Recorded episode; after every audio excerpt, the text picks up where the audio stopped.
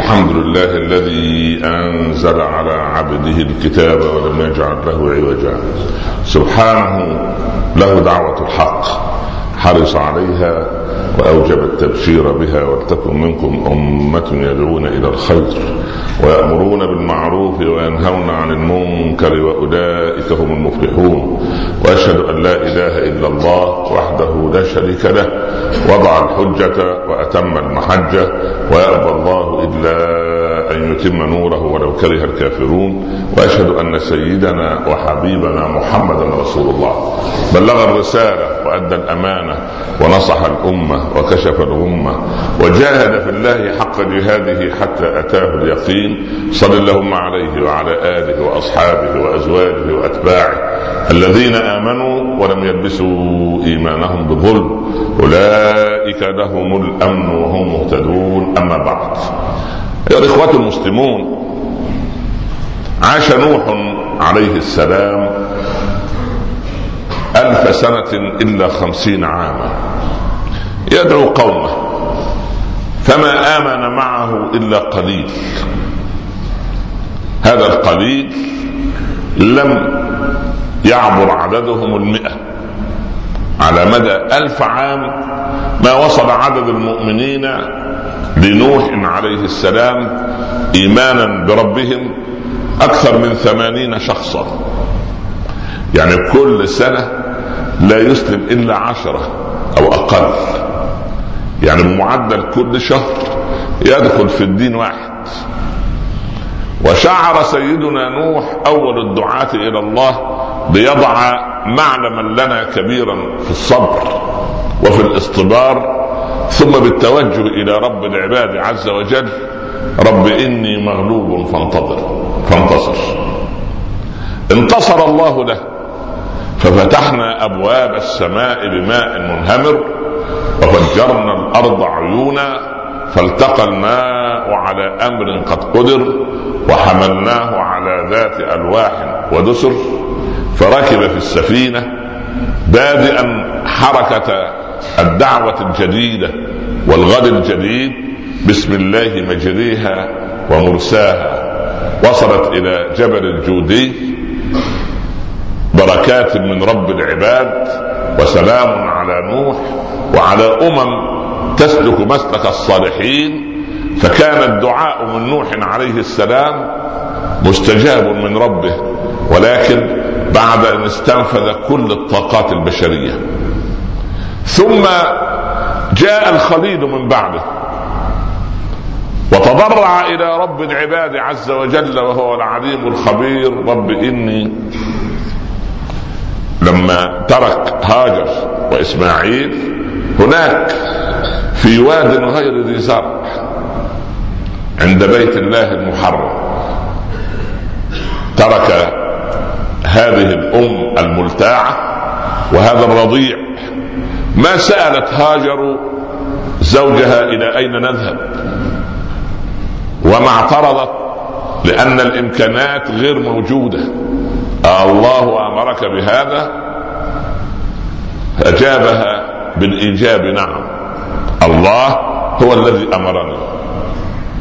اني تركت من ذريتي بواد غير ذي زرع عند بيتك المحرم. ربنا ليقيموا الصلاة ثم دعا رب العباد فاجعل أفئدة من الناس تهوي إليهم وارزقهم من الثمرات إلى آخر الآيات التي تحفظونها.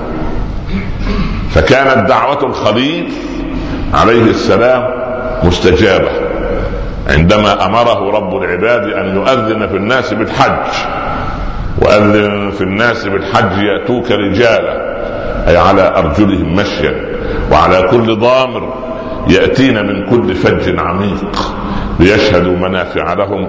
فكل روح سمعت نداء الخليل استجابت على مر الزمن فكان دعاء الخليل في هذا المكان مستجاب عند ربه. دعوة فردية أيضا أو دعاء فردي آخر كان من نصيب ذي النون عليه وعلى نبينا الصلاة والسلام إذ ذهب مغاضبا فظن أن لن نقدر عليه. فالتقمه الحوت. الحوت التقم. أصبح في ظلمات بعد أن كان في نور الدنيا وسعتها أصبح في ضيق جوف الحوت وظلمته. ماذا قال؟ هتف هتاف القلب الملتاع إلى ربه. لا إله إلا أنت سبحانك إني كنت من الظالمين فاستجبنا له ونجيناه من الغم. كذلك ننجي المؤمنين.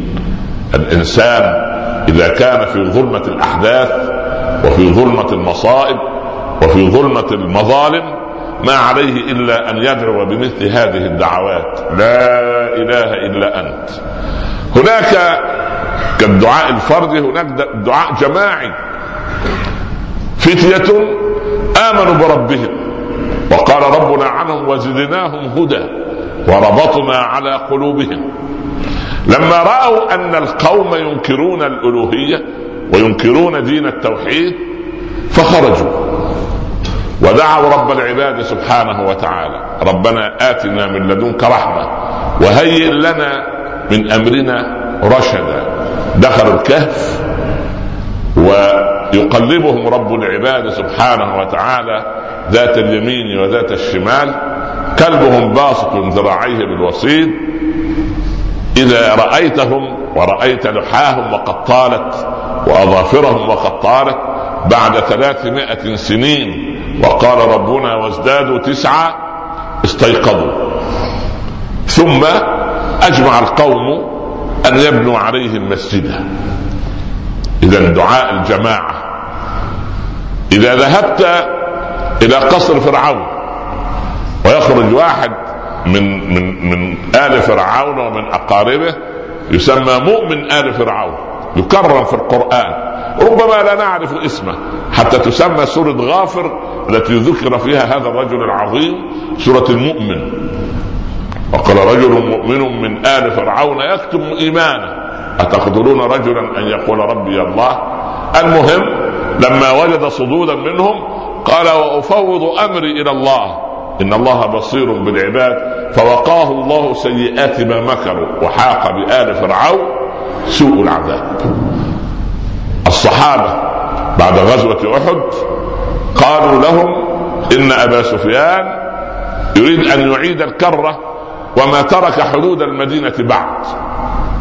فاستنفر النبي صحابته صلى الله عليه وسلم مرة أخرى. هنا قال الصحابة حاكيا عنهم رب العباد عز وجل الذين قال لهم الناس إن الناس قد جمعوا لكم فاخشوهم فزادهم إيمانا. وقالوا حسبنا الله ونعم الوكيل. فانقلبوا بنعمة من الله وفضل. لم يمسسهم سوء. واتبعوا رضوان الله. والله ذو الفضل العظيم. إذا الدعاء فردي دعاء جماعي الإجابة موجودة. انظر إلى حالنا اليوم. منذ مطلع التاريخ خلق أبونا آدم. فإذا يعني رب العباد سبحانه فإذا سويته يقول الملائكة ونفخت فيه من روحي فقعوا له سجدين كان أول سجود يعني سجود ال ال ال ال الاحترام وسجود أن هذا المخلوق طراز عجيب. فسجد الملائكة كلهم أجمعون إلا إبليس. في سجود طوعي وفي سجود اضطراري في سجود اختياري وفي سجود اضطراري. السجود الاضطراري لا يكون إلا لمتمرد. قال ربنا عن بني إسرائيل وادخلوا الباب سجدا ولكن ما سجدوا وما دخلوا الأرض المقدسة. لكن أبانا آدم أسجد الله له الملائكة وهناك سجود عجيب يستيقظ الغلام صاحب الاثنى عشر ربيعا ليقص على أبيه هذه الرؤيا العجيبة. يا أبت إني رأيت أحد عشر كوكبا والشمس والقمر رأيتهم لي ساجدين. قال يا بني لا تقصص رؤياك على إخوتك فيكيد لك كيدا إن الشيطان للإنسان عدو مبين. هذا سجود. ثم ثارت أو سارت بالسين أو بالثاء أحداث كثيرة على يوسف من إلقاء في جب إلى بيع بمصر بدراهم معدودة إلى دخول السجن في تهمة ظالمة إلى رؤيا الملك إلى مسألة التمكين. التمكين لا يأتي لا للفرد ولا للجماعة إلا بعد ابتلاء وتمحيص. فلتصبر الشعوب المظلومة التي يحكمها في عالمنا اليوم أبناء المال الحرام.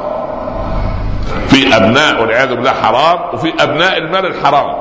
الذين غذوا بالحرام واللحم الذي نبت من سحت فالنار أولى به. ولا تحمل الشعوب فوق طاقتها. ربما هناك كانت شعوب في بلادنا الإسلامية في حالة غيبوبة. حتى تقول أنت إذا دخلت إليها أن يحيي هذه الله بعد موتها. لما يكون عندك حبيب لديك ودخل في غيبوبة أب أم اب زوجة أخ قريب. لما يدخل في غيبوبة لمدة عام لا كلام ولا حركة ولكن يعمل بالأجهزة. وفجأة بعد مرور أعوام فتح هذا المغيب عينيه. يفرح أهله أم لا يفرحون؟ يفرح. مجرد أن يفتح عينيه فقط ولم يتحرك بعد. فتح عينيه. أنا أرى أن بعضا من شعوبنا كان في حاله غيبوبه تامة وفتح اليوم عينيه. مجرد فتح العين ده خير بركة. ليه؟ لأننا وجب علينا أن نستشرف الأمل. الأمل كبير وأنا رجل أجول في بلاد الله وجدت أن الشعوب بدأت تشيخ. والأمم بدأت تهرم في الغرب. الألمان نصف عددهم فوق سن السبعين والثمانين سنة. أربعين مليون ألماني فوق سن الثمانين سنة. الفرنسيين كذلك. إلا أمة محمد صلى الله عليه وسلم. الإحصائية تقول سبعين بالمئة من العالم الإسلامي شباب. والحمد لله رب العالمين. وهذا أملنا. أمة قادمة. وأمم آفلة يجب أن نستشرف الأمل وننظر إلى البقعة البيضاء لأننا نوحد رب العباد عز وجل.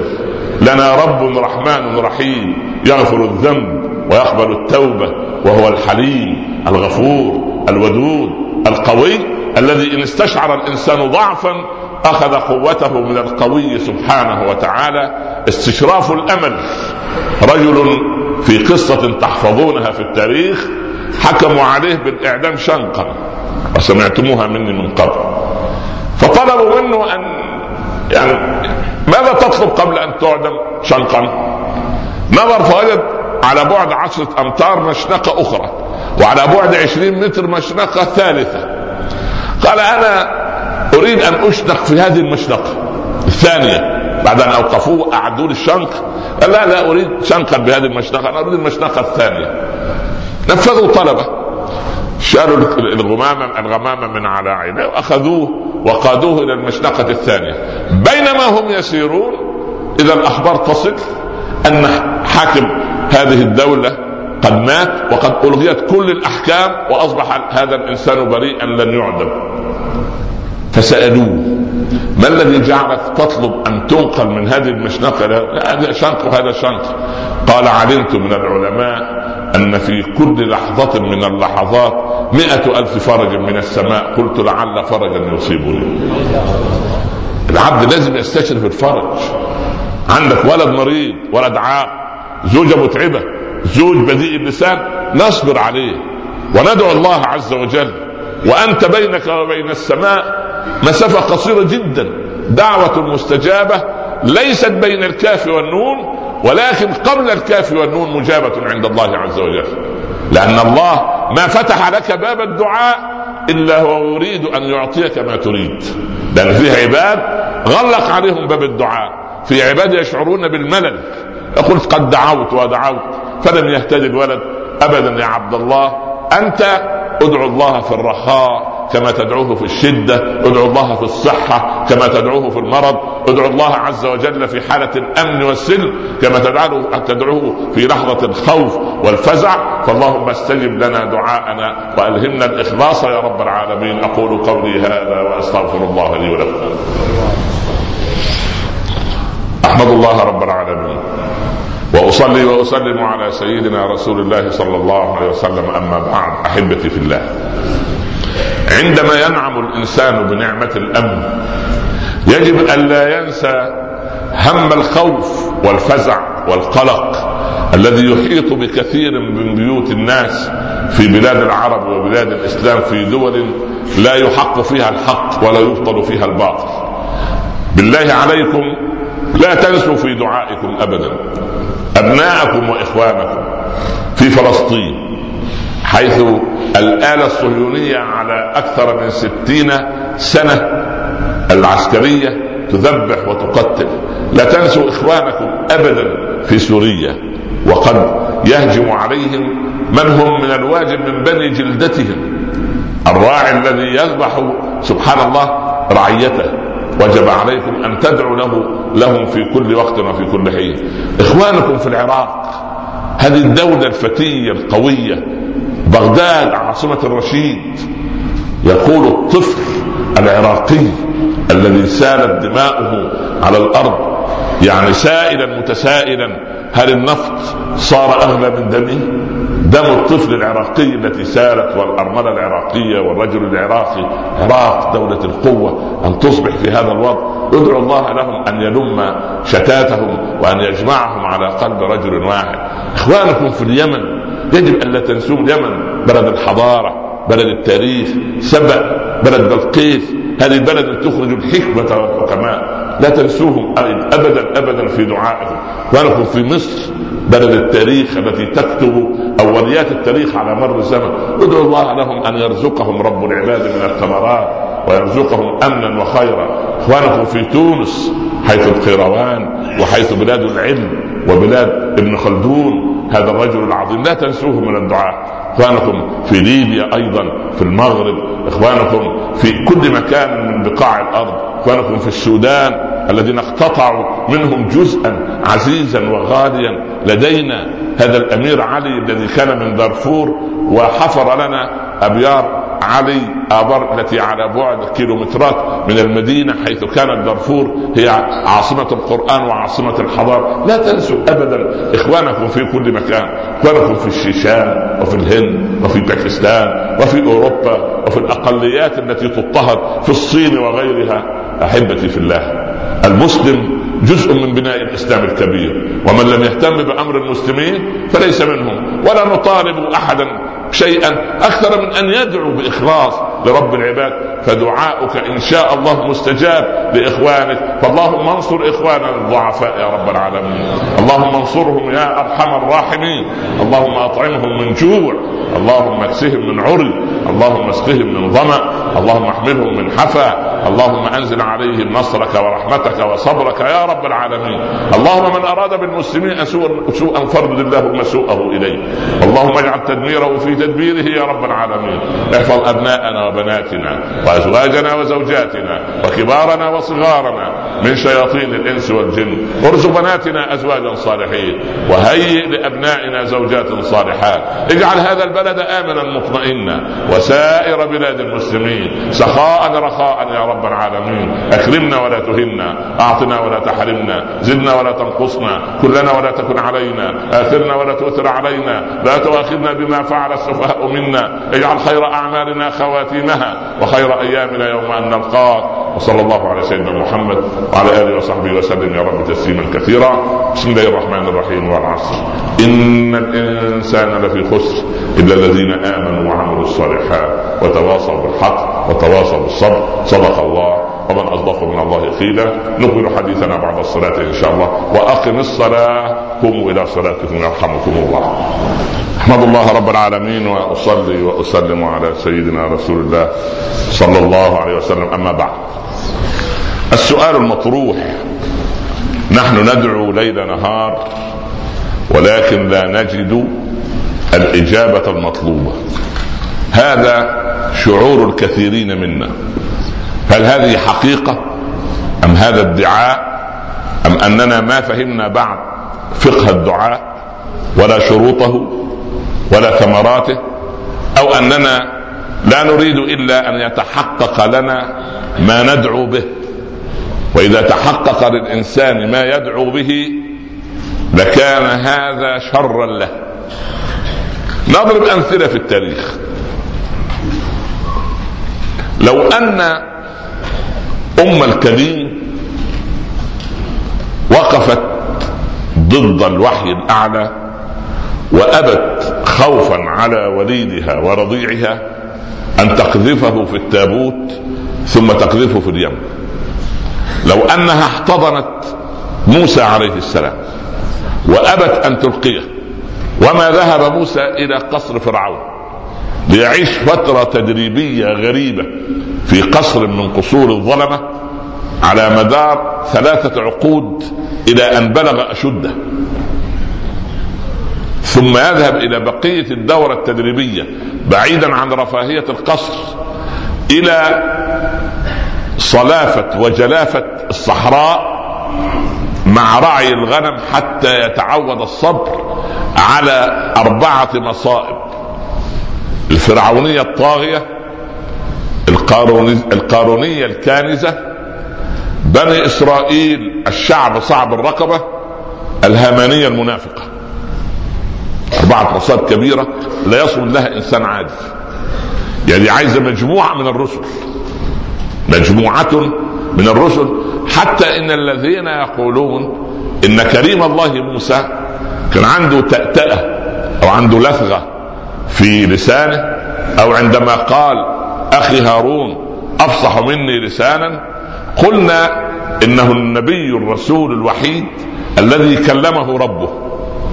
من أثر كلامه مع رب العباد أصبح لسانه لا يستطيع أن ينطلق كما ينطلق بقية الناس ولله المثل الأعلى. فتسمع عن إنسان عظيم ضخم له شهرة عالمية وإلى آخره.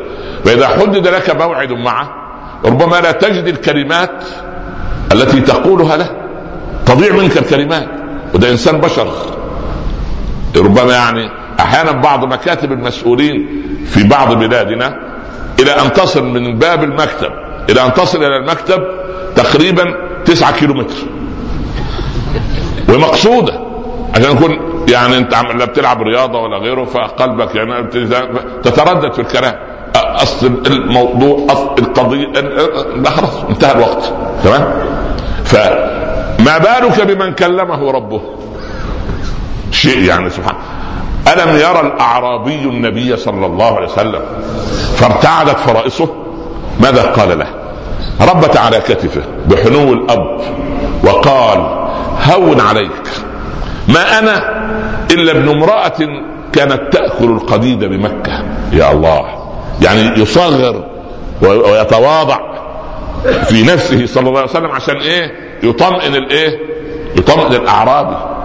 ده الناس كانت تدخل المدينة يقول هل منكم من رأى رسول الله؟ قل لا والله ماتوا كلهم. طب هل منكم من رأى من رأى رسول الله؟ يا الله. يقول لا والله التابعين كلهم ماتوا. بعدين رأوا الإيه؟ الصحابة. فيقول هل منكم من راى من راى من رأى رسول الله الجيل الثالث والرابع؟ يقول نعم. أين هو؟ يشير إليه. ربما يعني يهتز أنه كمان كمان عيناك هاتين أو عيناك. وقعت على من راى من راى من رأى رسول شيء طيب. وذلك في العنعنة لما تسمع في الموطأ يقول مالك رضي الله عنه مسلما ظهره إلى القبر الشريف حدثني فلان. عن فلان عن فلان عن صاحب هذا المقام الشريف. يسمى الإيه؟ السلسلة الذهبية. ليه لأن ما مر على مالك إيه؟ أجيال كثيرة. فيقول حدثني فلان عن فلان عن فلان عن صاحب. يعني رابع واحد تلقى. والعربي في التلقي كان عنده ذكاء مفرط. والعربي الآن عنده مفرط. خلي بالك انت. ليه؟ جدي وجدك كانوا يشغلوا بؤرة الشعور. وإحنا بفضل الله لا نحب أن نشغل بؤرة الشعور لأنها متعبة. فنشغل هامش الشعور. كيف؟ علماء قياسات الذكاء يقول لك لما الإنسان يعمل ويتعامل مع بؤرة الشعور يحفظ ما يقال له من أول مرة. حتى في الصلاة ما انت تشغل الصلاة ببؤرة شعورك تخشع. أنت واقف بين يدي من ماذا تقرأ؟ ما معنى ما تقرأ؟ أنت خائف الا يقبل. الملك يكتب لك الله عز وجل راقب عليك. تشعر أن بؤرة الشعور دخلت بدليل. أنك لما تركز وتذهب إلى الكعبة وتقف أمام الكعبة وتراها برهبتها وجمالها وجلالها تتعامل مع الكعبة بإيه؟ ببؤرة الشعور فتشعر بإخلاص الصلاة.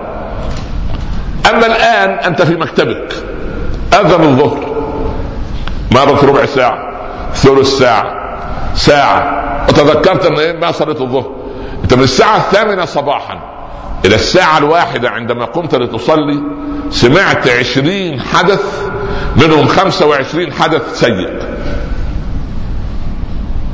ده إن كان ما كانش كمان جالك تليفونات أو هواتف من البيت. ده أمر آخر. امرأة طلبت الطلاق من مدة خير. اكتشفت أن هي لما تتصل بزوجها فيرد فورا. شيء طيب.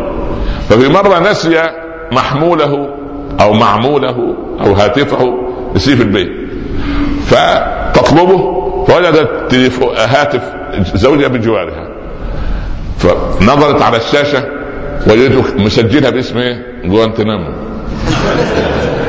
طلبت الطلاق والقاضي أعطاها الطلاق. هذه وسيلة هي حق طبرتك عليها. سبحان الله. سميها جوانتنامو أبو غريب ابو أم غريب. المهم انت أنت حر يعني. اكتب يا أخي ياسمين وردة. أو نفاق مستحب. الله يرضى عنك. يعني قال له بينادي على زوجته عشان تجيب للضيف آه، شيء يحيوه به. يقول لها أنت يا زهرتي يا وردتي يا فالراجل استغرب قال يا أخويا 30 سنة زواج ولسه بيدلل لزوجته. قال ما شاء الله عمري ما شفت حد يعني زهرته.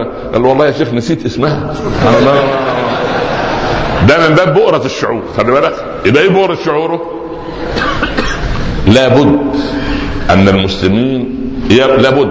المآسي كثيرة وأصبحت أفواهنا مشدودة لا تستطيع أن تبتسم. لكن نستشف المستقبل. الأمة تدفع اليوم ضريبة خمولها. بس بس تدفع الضريبة. خلاص؟ فدفع الضريبة صعب ولكن الأمل قادم إن شاء الله. فأنا أريد أن أعود إلى القضية وأقول إن الدعاء لو خرج من بؤرة الشعور وليس من هامشة. له شروط سبعة. الشرط الأول الإلحاح في الدعاء. الشرط الثاني اليقين بالقبول والإجابة. الأمر الثالث ادعو دعاء مستجدي متسول يعني لا دعاء مشير لا تحدد على الله. ادعو ولا داعي للتحديد. عايز تدعو بالولد؟ هب لي من لدنك ذرية طيبة. ارزقني ولدا صالحا أو بنتا صالحا ما تحددش. أنا عايز ولدين ويكون شعرهم أصفر وعينيهم خضراء ودنهم سوداء ورجله زرقاء. يا عم ما ما هذا لا يصلح. هذا الأمر الثاني لا تتعدى في الدعاء. قالوا يعني لا تتعدى في الدعاء. يعني واحد يطلب الخلود في الدنيا. هل هذا واجب؟ يعني في أدب؟ آه كلام ما ما سبحان الله العظيم. الله يرضى عن عمر. بيراقب واحد كده عند المقام وهو يحج. فوجد الرجل صلى ركعتين بسرعة. زي جماعة كده انت عارفهم. بسرعة سلم اقترب عمر منه وجد رفع يديه للدعاء. انتظر عمر. قال اللهم ادخلني الجنة وزوجني من الحور العين. عمر لم يحتمل. أمسكه من قفاه. قال له يا رجل أغليت العروس وأرخصت المهر. أنت عشان تروح تتزوج بنت عمك عبد الغني ها؟ يطلب منك إيه؟ يعني يطلب منك أبوك يستبدل المعاش ويبيع الأرض ويرهن البيت ويرهن أمك وسبحان الله يعني عشان تفوز بمن؟ بمن سوف تأتي لتحيل حياتك إلى بساتين. انت عايز تسمع شيء يريحك مش يريحك. المهم يعني سبحان الله ده إيه؟ ده في عروس الدنيا. سبحان الله. ولذلك إيه؟ قال لك اللي بيسمع الكلام لأولادنا اللي بيستمتع بأغاني الدنيا لن يسمع أغاني الحور العين في الجنة. يعني الحور العين سوف يغنين لك. شوف انت اللي ما حدش بيغني لك ابدا ولا حد يعني بيق... بي بي بي بيعطيك مقامك. ونحن الناعمات فلا نبأس أبدا. الراضيات فلا نسخط أبدا. المقيمات فلا نضعن أبدا. الشابات فلا نهرم أبدا. فطوبى لمن كان لنا وطوبى لمن كنا له. بس أنا كنت صوتهم أحلى من صوتي 100% أنا صوتي أجش وصعب لكن أكيد صوتهم أنت تحب إيه؟ تسمعه. فسبحان الله. فأنت انظر إلى عدم التعدي في الدعاء. وبعدين ألح في الدعاء. نمرة خلي عندك يقين في الدعاء. قبل كل هذه الشروط أن تعيد صياغة المال الحلال. يا سعد أطب مطعمك. تستجاب دعوتك فإن العبد ها ليلقي باللقمة الحرام في جوفه لا يتقبل الله له عملا أربعين يوما. قال العلماء وتحفظون مني كثيرا من أكل الشبهة الشبهة أقل من الحرام ولا أبع أكثر من الحرام؟ أقل. من أكل الشبهة أربعين يوما عصت جوارحه شاء أم أبى. الشبهة. ففيه ناس يحكمون المسلمين اليوم هم نبتوا من سحت أصلا. نبتوا من سحت. لو أراد أن يصنع الخير لما استطاع. سبحان الله. لو أراد لا يستطيع لا يستطيع. سبحان الله العظيم. ولذلك لما وقف الرجل أمام الحجاج الحجاج يذكر له إيه؟ وصنعت كذا وقلت فينا كذا وفعلت كذا الرجل يرتجف. فقالوا والله الرجل يعني من, شدة الفزع. قال هذا يوم أشد من يوم القيامة. يا ستار يا رب. يا رجل قال يوم القيامة تأتي الملائكة لي بالحسنات والسيئات. الحجاج لا يأتي إلا بالسيئات. بس ما عندوش إلا السيئات فقط. وقال يا حجاج لقد أوتيت. أنت يا حجاج. ما لم يؤت رسول الله. قالوا كيف يا رجل؟ قال قال ربنا برسوله صلى الله عليه وسلم فبما رحمة من الله لنت لهم ولو كنت فظا غليظ القلب لانفضوا من حولك. وأنت يا حجاج فظ وغليظ القلب ولا نستطيع أن ننفض من حولك. ولا نستطيع لأن اللي هينفض هينفض صح ولا لا؟ يا رجل يا مؤمن ده الإنسان رقيق القلب الذي يدعو الله عز وجل في ساعات وده الشرط اللي يليه في ساعات التنزل الإلهي. الثلث الأخير أنا عايز الأمة آه كنا اللي حضر معنا وسمع حلقات حلقة بيوت الأمن يوم الأربعاء فيه هرمون السعادة. تفرزه الغدة النخامية وإخواننا الأطباء وبتوع التغذية وبتوع الهرمونات وأخصائي الغده يعرفوا هذا.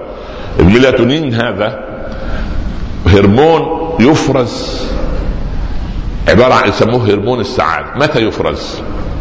يفرز بالليل فقط وأنت نائم في الظلام. إذا نمت بالنهار لا يفرز. إذا نمت في النور لا يفرز. ويبدأ إفرازه من بعد العشاء حتى الفجر. ليه العرب ما عندهمش سعادة؟ لأن العرب أمة سهيره أمة سهر.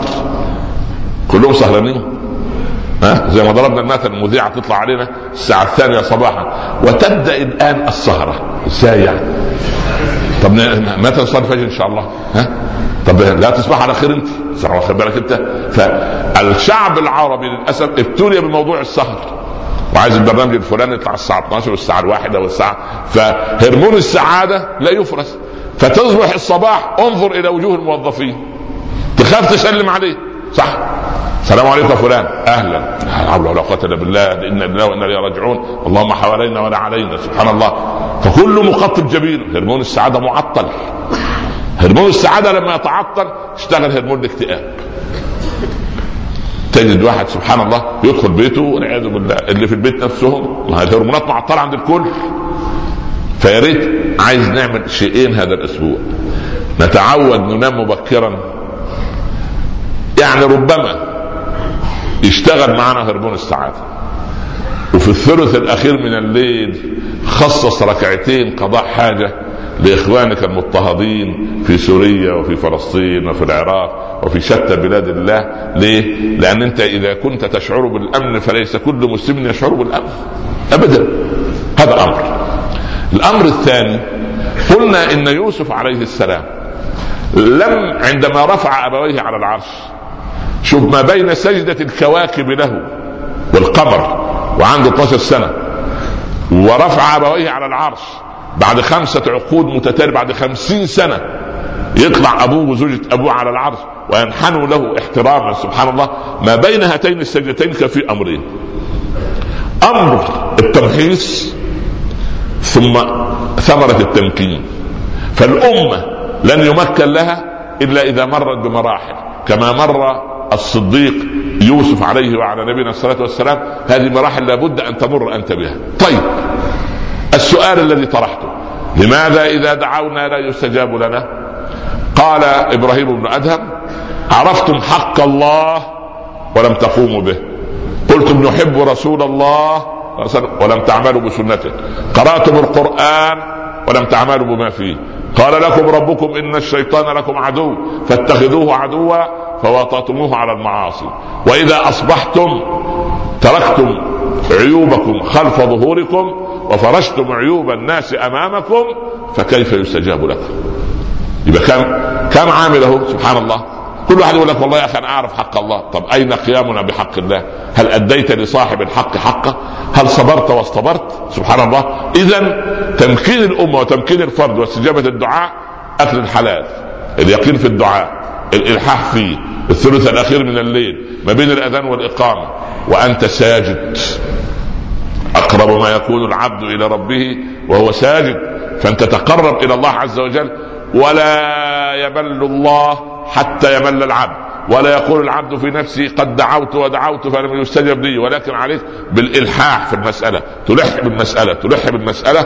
سيدنا سعيد رضي الله عنه لما دعا رب العباد ثلاث سنوات في أمر ولم يجد إجابته. بالليل قبل أن ينام يا رب يا ربي أنا منذ ثلاث سنوات فرأى في الرؤيا رسول الله صلى الله عليه وسلم. قال يا رسول الله أدعو الله من منذ ثلاث ثلاث سنوات. ولم يستجب لي قال يا سعيد أبشر إن الله ما استجاب لك لأنه يحب أن يسمع صوتك. ليه؟ لأن في عبد اللي هو العبد العبودة يدعو بالقطعة. لما يكون عنده أزمة يدعو ما عندوش أزمة إيه؟ يدعو الإنسان إيه؟ يعني سبحان الله بالليل وبالنهار وقاعد وقائم أول ما رب العباد كما قال فإذا كشفنا ما به من ضر عمل إيه؟ مر كأن لم يدعونا إلى ضر مسه هذا عبد خير ولا عبد سوء؟